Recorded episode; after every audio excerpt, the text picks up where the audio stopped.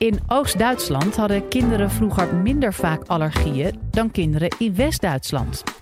Na de val van de muur verbeterden de leefomstandigheden van Oost-Duitse kinderen en kregen zij ook vaker allergieën. Merkwaardig. Nou, immunoloog Huub Zavelkouw legt je in dit college uit wat de hygiënehypothese is en of we misschien beter wat viezer kunnen leven. Live vanuit Club Air is dit de Universiteit van Nederland. Kinderen die in grote gezinnen werden geboren, bleken minder last te hebben van allergie. En dat was in 1989 de basis voor David Strachan uit Engeland om de hygiënehypothese te formuleren.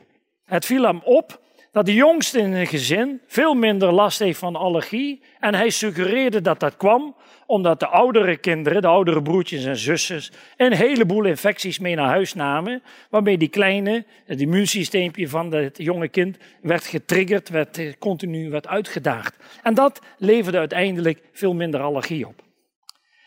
Ehm, infecties op een jonge leven geeft dus kennelijk een sterk immuunsysteem. En zeker wanneer die kinderen opgroeien op een platteland, zeker wanneer die kinderen opgroeien in een boerderij, een boerderij, zeker wanneer die kinderen ook tegenwoordig al heel jong naar de crash gaan of naar de kinderopvang. Um, op dit moment worden de meeste kinderen juist opgevoed in hele schone omgevingen. Ze, ze krijgen vaccinaties, als ze ziek zijn krijgen ze antibiotica, pijnstillers, eh, noem maar op. En dat die verandering in die leefomgeving, het lijkt erop dat dat wat mee te maken heeft met de toename van niet alleen allergieën, maar ook andere ziekten waarbij het immuunsysteem is betrokken. Een studie door uh, meneer Bach, uh, in, vroeg in de 2000 gepubliceerd. En dit laat zien dat vanaf de Tweede Wereldoorlog een dramatische afname van infectieziektes. Mazelen, uh, noem maar op, hepatitis, tuberculose. En eh, dat is deels te wijten aan vaccinaties, maar ook deels te wijten aan een steeds schoner opvoeden van onze kinderen. Maar de consequentie is een dramatische toename van die ziektes waarbij het immuunsysteem ook betrokken is. Auto-immuunziektes zoals multiple sclerose, type 1 diabetes, astma, ziekte van Crohn en een heleboel andere ziektes waar we later nog over gaan spreken. Dus kennelijk is het zo dat als het immuunsysteem op het jonge leven niet genoeg wordt uitgedaagd, niet genoeg infecties zijn, dan ontwikkelt het zich niet krachtig genoeg. En als consequentie daarvan loop je een verhoogd risico op het optreden van dit soort eh, aandoeningen. Een minder uitgedaagd immuunsysteem op het jonge leven slaat kennelijk dus op hol. Hoe kunnen we nou dat onderzoeken? Dat is niet zo makkelijk als het lijkt. Um, we hebben een heleboel waarnemingen, maar we hebben geen klinisch onderzoek. Je kunt niet 100 pasgeboren baby's nemen en 50 daarvan zo smerig mogelijk opvoeden en 50 zo schoon mogelijk opvoeden en dan 18 jaar wachten en dan turven wie er allergie heeft gekregen. Waarschijnlijk krijg je daar geen toestemming voor van de medisch-ethische toetsingscommissie. En terecht. Dat kan niet. Dus waar moeten we het dan mee doen? Nou, er zijn een aantal voorbeelden in de literatuur die allemaal eh, bekend zijn geworden wanneer men naar verschillende landen gaat kijken hoe het daar staat met de ontwikkeling van allergie, zeker op kinderleeftijd. Met de val van de Berlijnse muur werd Oost, voormalig Oost- en West-Duitsland herenigd. Mensen hadden onderzoek gedaan in voormalig Oost-Duitsland, in Leipzig.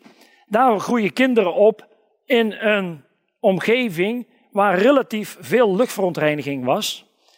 Die kinderen kregen vaker longontsteking, maar die hadden veel en veel minder astma dan de kinderen die opgroeiden in München.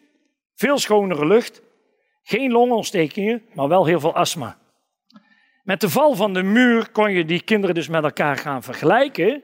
De erfelijke informatie was niet verschillend. Dat duurt een paar honderd jaar als je populaties scheidt voordat de erfelijke achtergrond gaat verschillen. Daar was hier geen sprake van. Na de hereniging van Duitsland bleek dat binnen tien jaar de kinderen in Leipzig veel minder longontstekingen kregen. De lucht was steeds schoner, maar ze kregen veel en veel meer astma. En op dit moment is er geen verschil meer tussen voormalig Oost- en voormalig West-Duitsland. Sterke aanwijzing die misschien zou kunnen verklaren dat die hygiënehypothese misschien wel juist is. Er zijn andere voorbeelden. In Estland, daar ehm, hebben kinderen in hun ontlasting heel veel lactobacillen.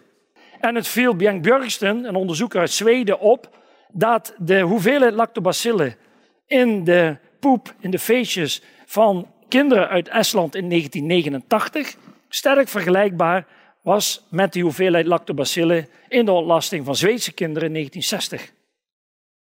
Na de val van het communisme kon hij naar Estland toe en tien jaar later was er geen verschil meer tussen Estland en Zweden. Kinderen hadden in Estland veel minder lactobacillen en ze hadden veel meer astma. Ook een aanwijzing dat de microbiota in de darm, het aantal bacteriën in de darm, kennelijk een invloed heeft via die, potentieel dan via die hygiënehypothese. Een ander voorbeeld, boerderijen. Kinderen die opgroeien op een boerderij, die zullen dan ook stalstof inademen. Daarin zitten celwandfragmenten van dode bacteriën, met name colibacteriën die uit de mest van een runderen komen. Die kinderen zullen waarschijnlijk ook wat meer rauwe melk drinken. Kinderen die onder dat soort omstandigheden opgroeien, hebben veel minder last van astma wanneer je dat vergelijkt met kinderen die in stedelijke gebieden opgroeien. Ook zo'n aanwijzing dat het misschien wel klopt. We kunnen doorgaan. Er zijn ook uh, voorbeelden in ontwikkelingslanden.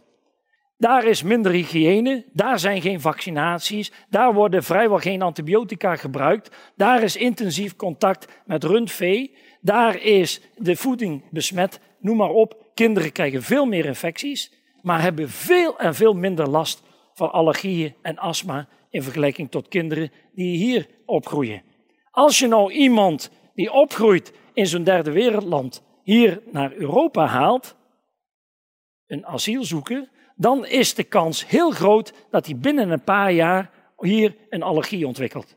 Dus kennelijk is die druk uit de omgeving nodig om te zorgen dat het immuunsysteem zich krachtig ontwikkelt. In Nederland en ook in Zweden zijn onderzoeken gedaan bij kinderen die opgroeien in gezinnen die een antroposofische leefstijl hanteren. Het bleek dat in die gezinnen kinderen minder last hadden van allergie en astma in vergelijking tot kinderen die in niet-antroposofische gezinnen opgroeien.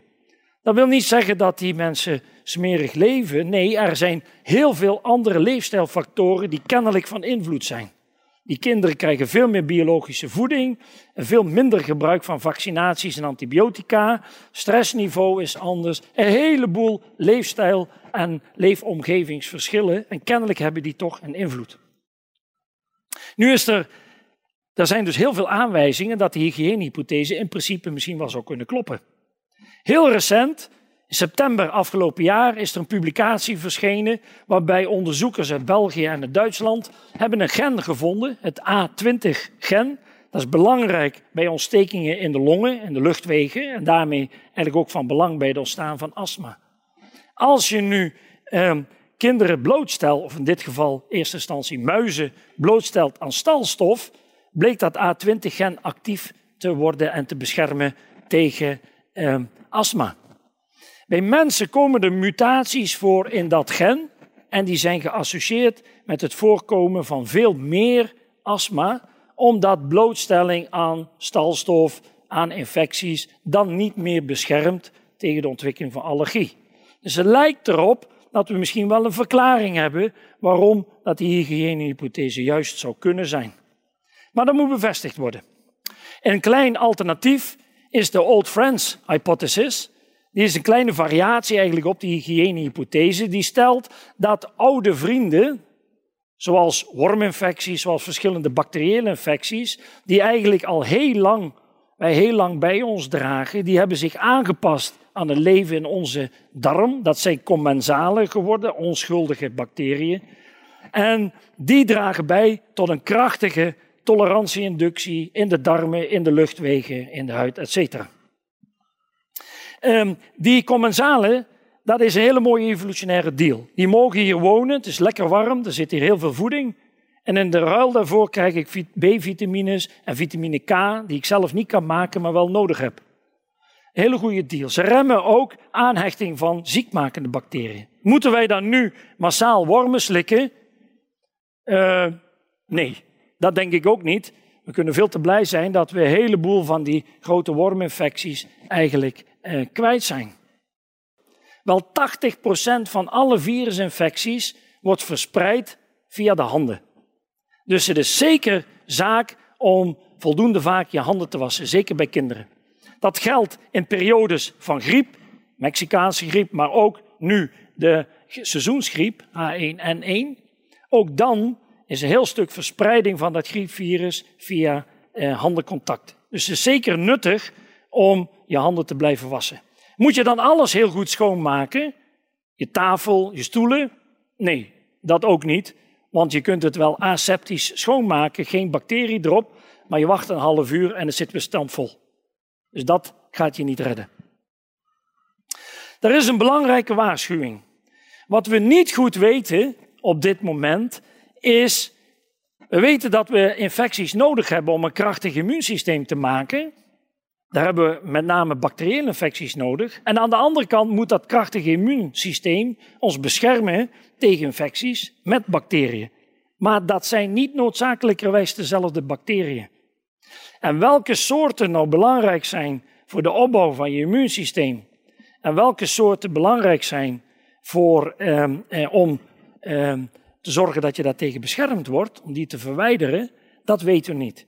Er gebeurt heel veel onderzoek op dit moment om te proberen die, die soorten bacteriën van elkaar te onderscheiden. Niet zo makkelijk, maar heel interessant eh, onderzoek. Dus je moet een krachtig immuunsysteem hebben.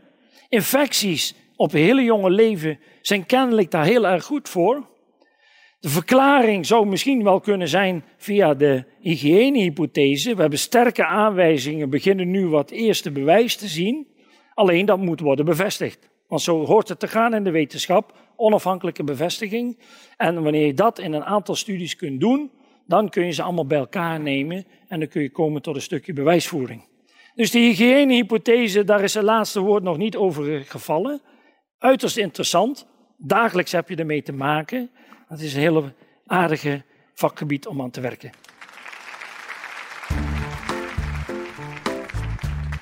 Heeft deze podcast je nou geprikkeld om meer te weten te komen over de wetenschappelijke wereld? Maak je borst dan maar nat, want de Universiteit van Nederland komt met een nieuwe podcast genaamd Lableven. Deze zomer reizen we door heel het land om 14 unieke laboratoria van 14 verschillende universiteiten te bezoeken. Iedere woensdag hoor je de ins en outs van wat er speelt in het lab. Maar ook wie de wetenschapper achter het onderzoek is. Want wetenschappers zijn tenslotte ook maar gewoon mensen. We luisteren nu onze nieuwe podcast Lableven.